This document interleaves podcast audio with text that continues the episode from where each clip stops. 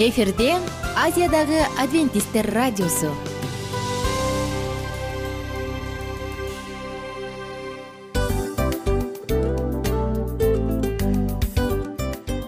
Достор салют. Баардык сүйүктүү угармандарыбызга салам айтабыз. Кутман күнүңүздөр менен. Ден соолук өмүрдүн булагы демекчи саламат саамы программасында баарыңыздарды көргөнүбүзгө абдан кубанычтабыз. Анда алгач амандашып өтөлү арбаңыздар деп. Ден соолугуңуздар кандай элибизде көбүнчө ден соолук кандай дегенде эле жакшы деп жооп беребиз э ооруп турсак дагы жакшы дейбиз. Анан мен муну айтып ойлойт элем бул абдан сонун сөз депчи анткени бул жакшы деген үмүт да э ооба баары жакшы болот баары сонун. Деп үмүттөнүп атып эле өзүбүздү өзүбүз дарылап коебуз. Анысы кандай сиздин дагы ден соолугуңуз жакшы беш деген үмүттөбүз чындыгында ден соолук бул өмүрдүн булагы деп бекеринен айтылган эмес деп ойлойм. Кыргыз элинде анткени эгерде ден соолук жок болсо анда адамдын жашоосунда калган баардык керектүү маңыздуу нерселер өзүнүн баалуулугун жоготуп коет. Ошондуктан ден соолук бул эң керектүү нерсе. Ооба туура айтасың кесиптешим. Чынында ден соолугуң жок бир эки үч күн ооруп калсаң эле э кандай болуп калат? Жашоодо көз каранды болуп каласың көп нерсеге жетишпей каласың көп нерсени кыла албай каласың жада калса эшикке дүкөнгө да чыга албай каласың. Туптуура анан ден соолук болсо демек биз биздин бактыбыз тоодой деп койсок болот. Анда достор саламат саамы рубрикабызды баштайлы. Алдыда өзүңүзгө керектүү болгон сонун кеңештерди уга аласыздар. Мына ошондуктан биз менен бирге болуңуздар. Ал эми биз болсо милан жана айнура. Кеттик алга. Алга саламат саама ден соолуктун жарчысы. Саламат саама ден соолуктун ачкычы. Күн сайын сиз үчүн мыкты кеңештер сонун жаңылыктар кызыктуу фактылар. Биздин рубрикада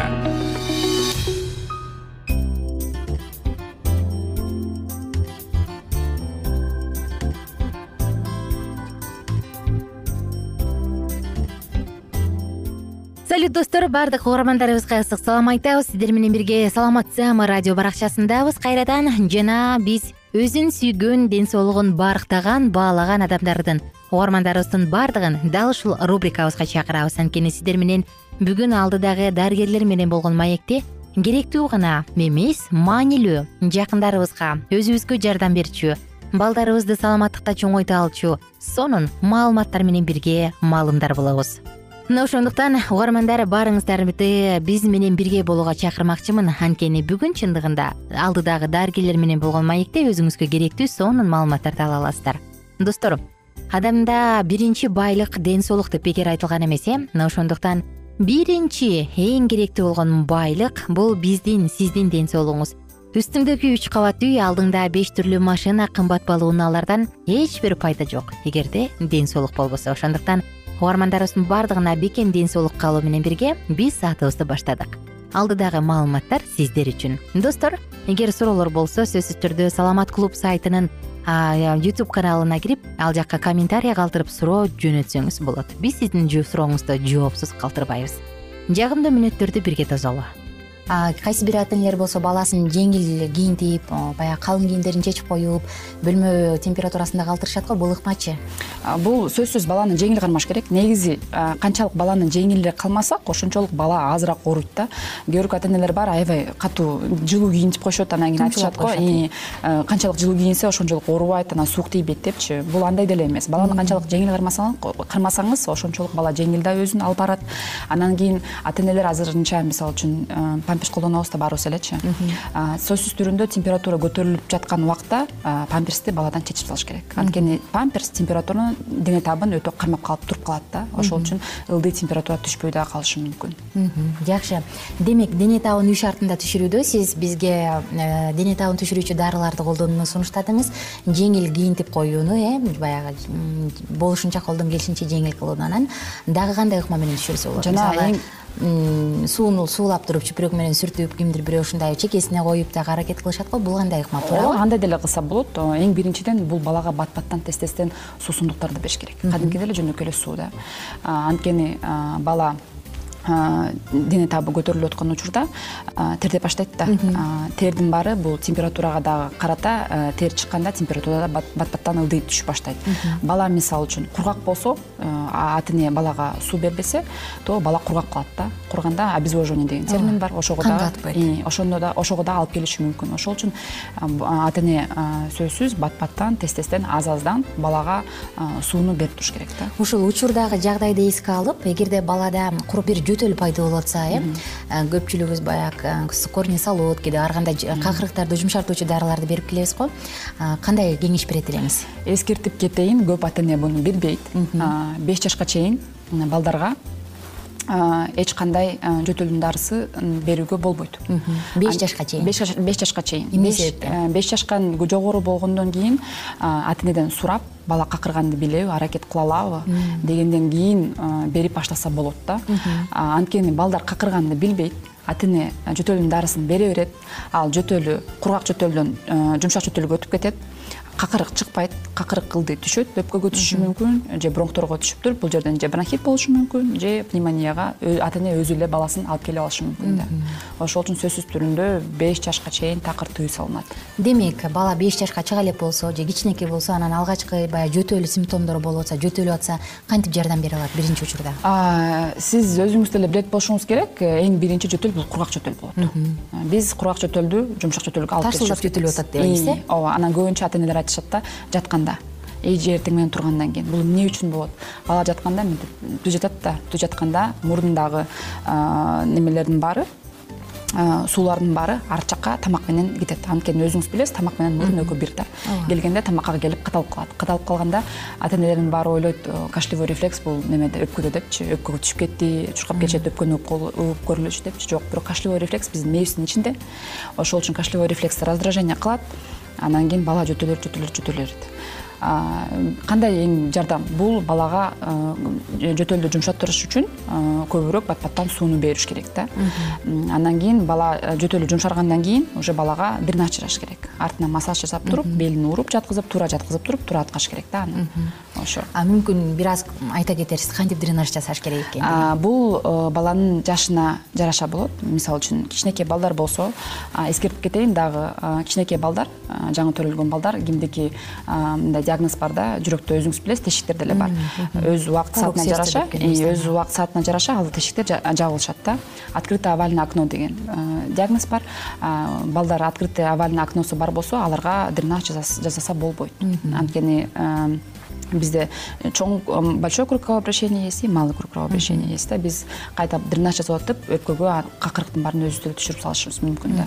Ошон үчүн дренаж массаж балдардын жашына жараша неметет да жасалат да. Азыр ата энелер өтө акылдуу интернетке кирип деле өзүлөрү деле көрүп неметип беришет да көрсөтүп беришет да. Жакшы. Биз э, досторубузга кайрыла кетели. Эгерде сизде ушул тууралуу суроолор бар болсо сөзсүз түрдө комментарий кылып калтырыңыз. Э, дарыгерден мыкты жоопторду аласыз деп ишендире алам. Ошондуктан сиздерден комментарий күтөбүз. Достор жогоруда айтылгандай эле эң сонун маалыматтар биздин ден соолугубузду коргоо үчүн бүгүнкү күндө бар. Канчалык маалымдар болсоң ошончолук куралданган болот эмессиңби мына ошондуктан бүгүнкү айтылган маалыматтар дагы жашооңузга чоң таасирин берип жардамын берип сизди ар кандай кырсыктан ден соолукту сакташ үчүн жаман нерселерден сактасын оорулардан дарттардан сактасын адамдын биринчи байлыгы ден соолук. Адамга экинчи байлык ак жоолук керек. Бирок ак жоолук ден соолуксуз кызык мына ошондуктан сиздерге кааларыбыз албетте бекем ден соолук. Өзүңүздүн колуңуздагы байлыкты сактаңыз барктаңыз. Жана албетте бул үчүн кол болгон күрөшүңүздү жумшаңыз. Адам баягы жашоосунда колдон келишинче акча таап алып туруп анан кийин улгайып калган кезде баардык тапканын кайра өзүнүн ден соолугуна жумшагандан көрө мейли аз тапса дагы бирок оорубай жашоонун кубанычын татып жашаганга эмне жетсин? Ошондуктан ар бириңиздерге кааларым бекем ден соолук. Коштошобуз достор сиздер менен. Кийинки уктуруулардан кайрадан амандашканча бар болуңуздар сак саламатта туруңуздар. Күнүңүздөр көңүлдүү маанайда улансын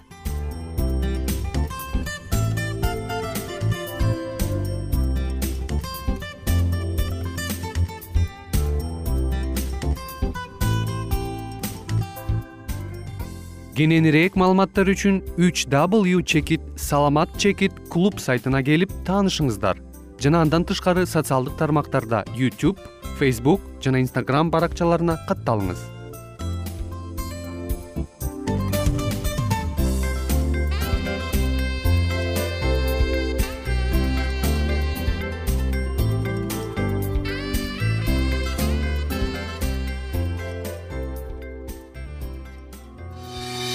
саламат саама ден соолуктун жарчысы. Саламат саама ден соолуктун ачкычы. Күн сайын сиз үчүн мыкты кеңештер сонун жаңылыктар кызыктуу фактылар биздин рубрикада.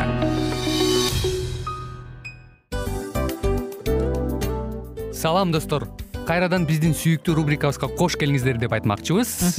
Баардык замандаштарыбызга арбаңыздар деп саламыбызды айтабыз. Улуу ушундай бир урматтаган учурашуу менен анан дил маек радио баракчабызга чакырабыз. Негизи дил маек биздин рубрикабызда эмне жөнүндө кеп кылабыз? Бул дил маектин мааниси эмнеде? Рубрикабыз менен кичине тааныштырып кетсеңиз. Сөзсүз түрдө тааныштыра кетейин кесиптешим суранычы боюнча бул учурда бул радио баракчада биз ар тарап кесип ээлеринен сонун кеңештерди алабыз сүйлөшөбүз сырдашабыз аталарыбыздын эжелерибиздин апаларыбыздын кеңештерин угабыз айтор жан дүйнөгө адамдын э, сапатына адамдын деги эле адам болуп жашашына керектүү баардык кеңештер алдыда.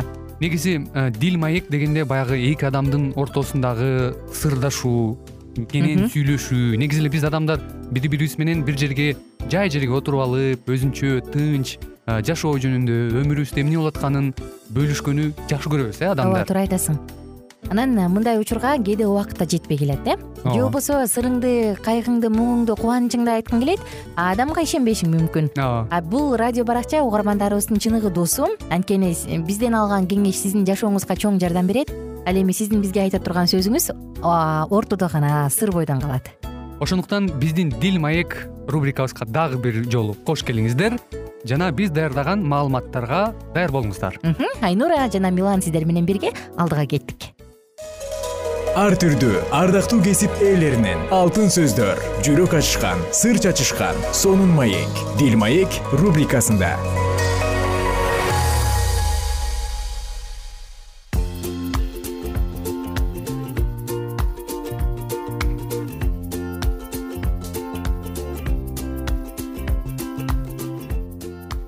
саламатсыздарбы сүйүктүү достор. Баардык угармандарыбызга ысык салам айтып сиздер менен бирге кайрадан жагымдуу саатыбызды баштадык. Дил маек радио баракчасында руханий мурас жашия деп аталган китепти улантып атканбыз.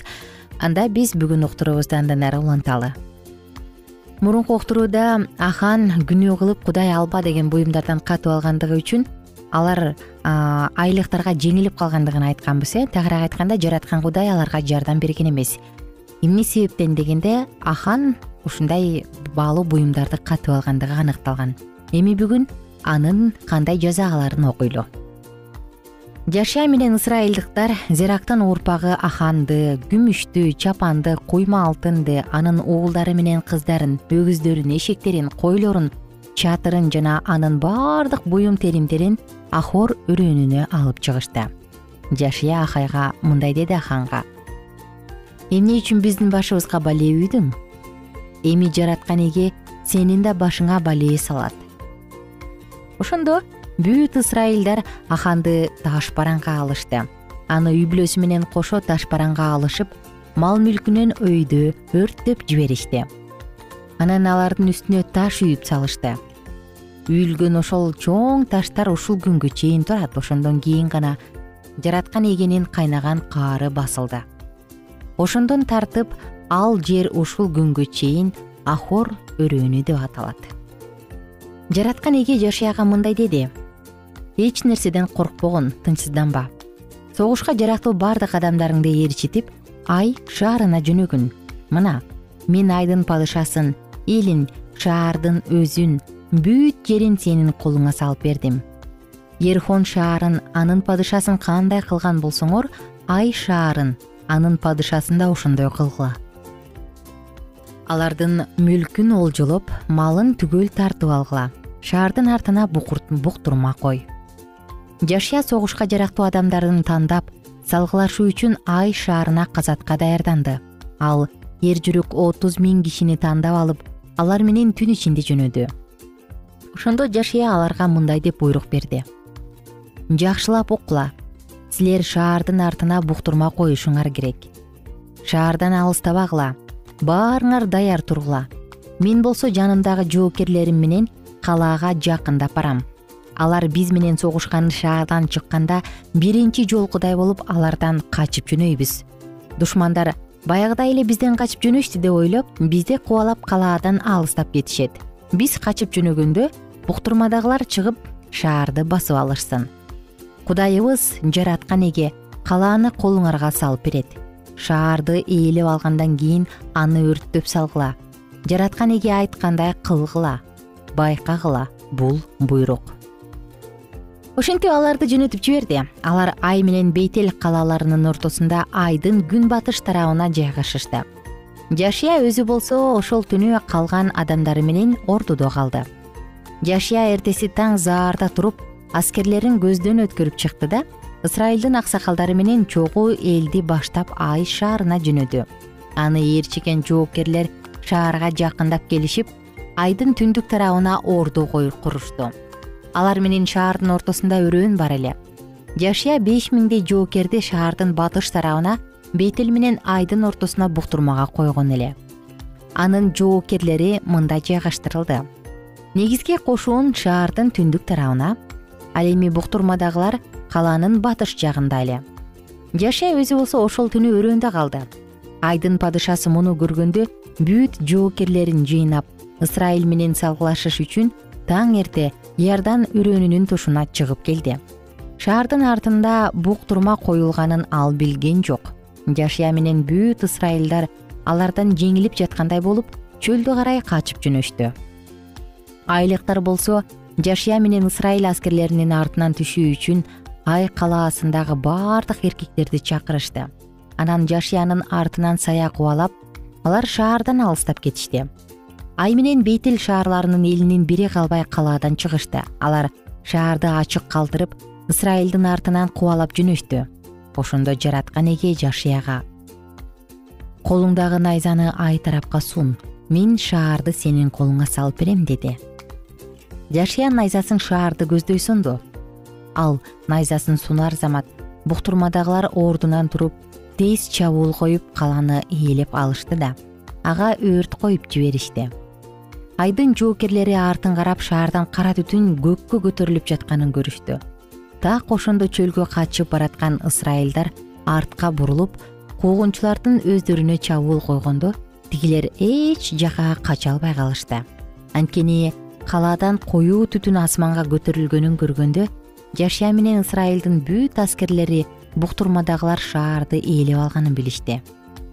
Муну көргөн ысрайылдар артка бурулуп айдын тургундарынын өздөрүнө чабуул коюшкан эле. Ушул убакта шаарды каратып алган буктурмадагы ысрайылдар шаардан кайра чыгышканда айдын жоокерлери ордудо калды. Ысрайыл аскерлери аларды эки тараптан чөптөй чабышты. Аман калган же качып кутулган бир да жан болгон жок айдын падышасын гана тирүү колго түшүрүп жашиянын алдына алып келишти. Ысрайылдар талаада жана чөлдө өздөрүнүн артынан сая кубалаган айдын аскерлерин толук кылыч мизине алгандан кийин кайра кайтып келишип шаарга кирип барышып анда калгандарды да кылычтан өлтүрүштү. Ошол күнү аял эркек болуп айдын бүт эли он эки миң кишине курман болду. Айдын жашоочулары садага чабылып бүткөнчө жашия найза сунган колун төмөн түшүргөн жок. Жараткан эге жашияга буйрук кылгандай ысрайылдар шаар элинин мал мүлкүн олжолоп алышты. Жашия ай шаарын өрттөп жиберип ээн жаткан дөбөгө айлантты. Ал бүгүнкү күнгө чейин ошондой. Айдын падышасын болсо өлтүрүп жасатын жыгачка асып кечке чейин калтырып коюшту. Күн батып баратканда жашия жасатты жыгачтан түшүрүп шаар дарбазасынын алдына алып барып таштоону буйруду. Эл анын үстүнө таштарды ыргытып үйүп салышты. Ошол таш төбө ушул күнгө чейин бар. Кийинки уктурууда саатыбызды улантабыз сак саламатта туруңуздар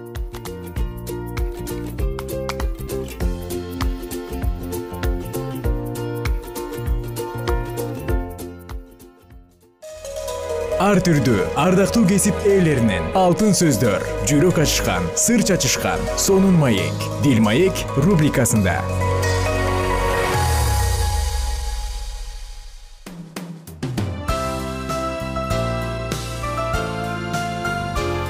Эфирде азиядагы адвентисттер радиосу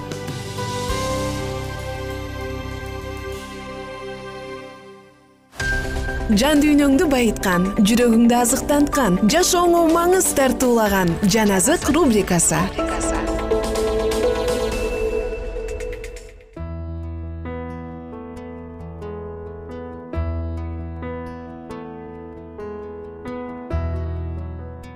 Арбаңыздар кадырлуу кыргыз калкым сиздер менен кайрадан жан азык радио баракчасындабыз. Жана бул күн дагы сиздер менен бирге аян китебиндеги пайгамбарчылыктар тууралуу.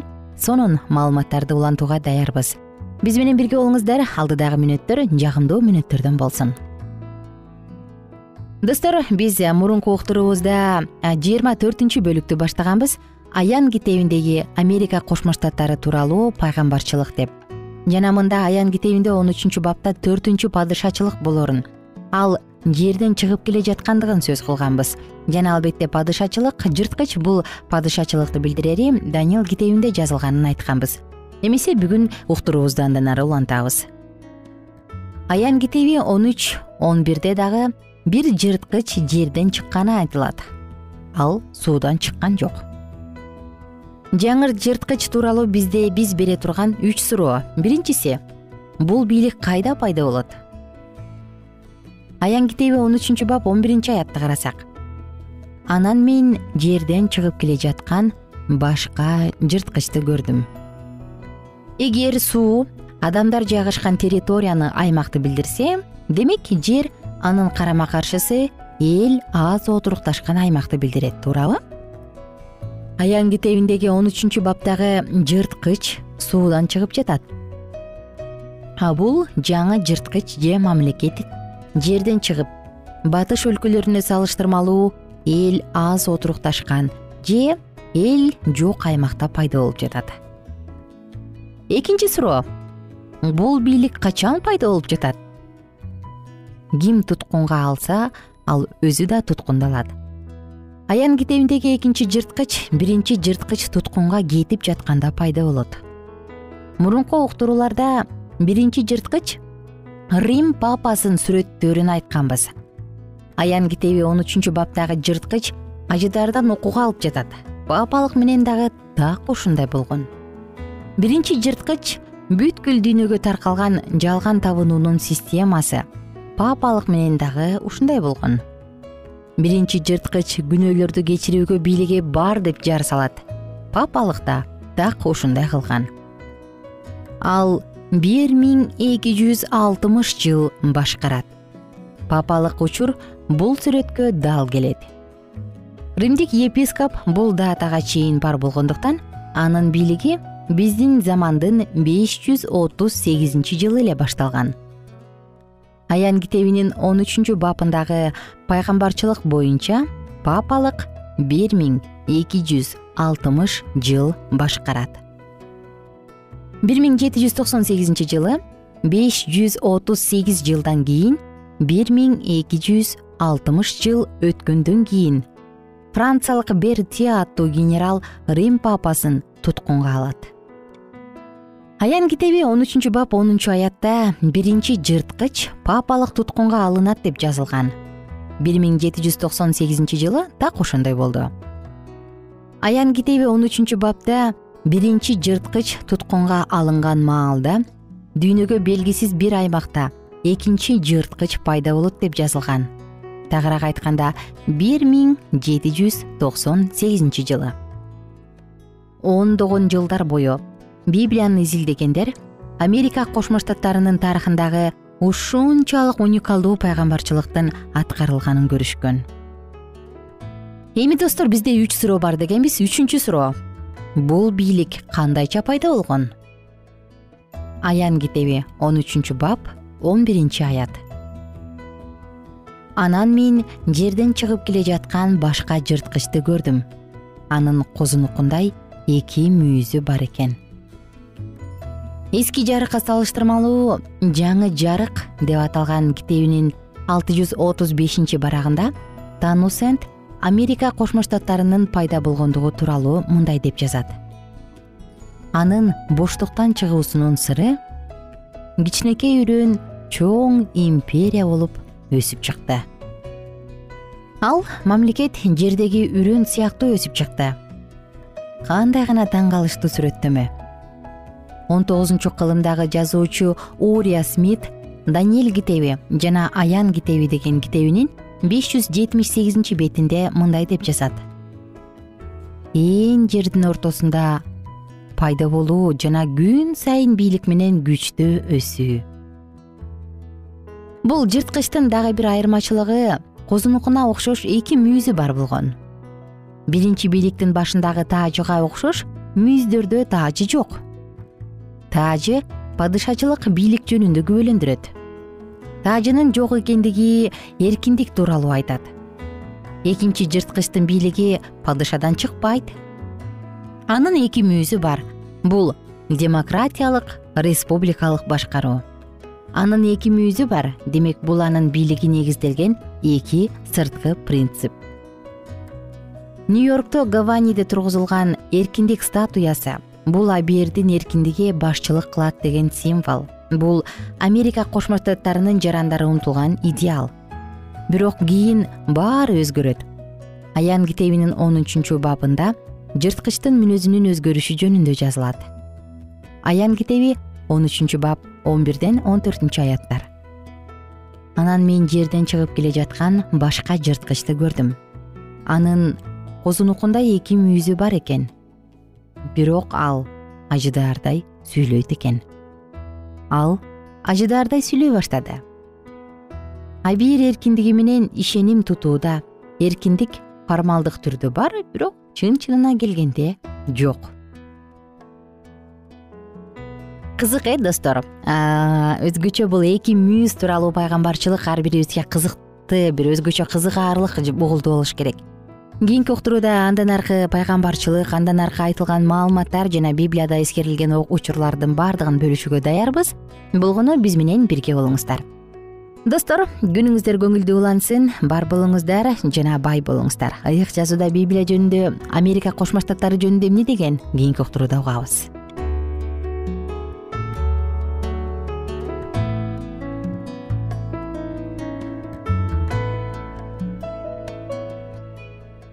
эгер сиздерде суроолор болсо же көбүрөөк маалымат билем десеңиз анда биздин whatsapp номерибизге жазыңыз. Плюс бир үч жүз бир жети жүз алтымыш алтымыш жетимиш. Кайрадан плюс бир үч жүз бир жети жүз алтымыш алтымыш жетимиш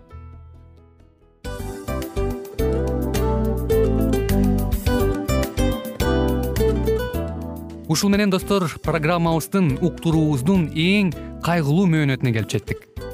Кайгылуу дегенде ыйлагым келип кетти кесиптеш. Кадимкидей анткени баягы учурашасың анан коштошуу учур келгенде ии кантип ии эми бат баттан келиптир э сагындырбай деп атып араң коштошобуз го? Анысы кандай угармандарыбыз менен коштошчу учур келди кийинки уктурууларды сагыныч менен жүрөгүбүздө кусалык менен күтөбүз жалпыңыздарды анан жарым сааттык уктуруу көз ачып жумканча өтүп кетти.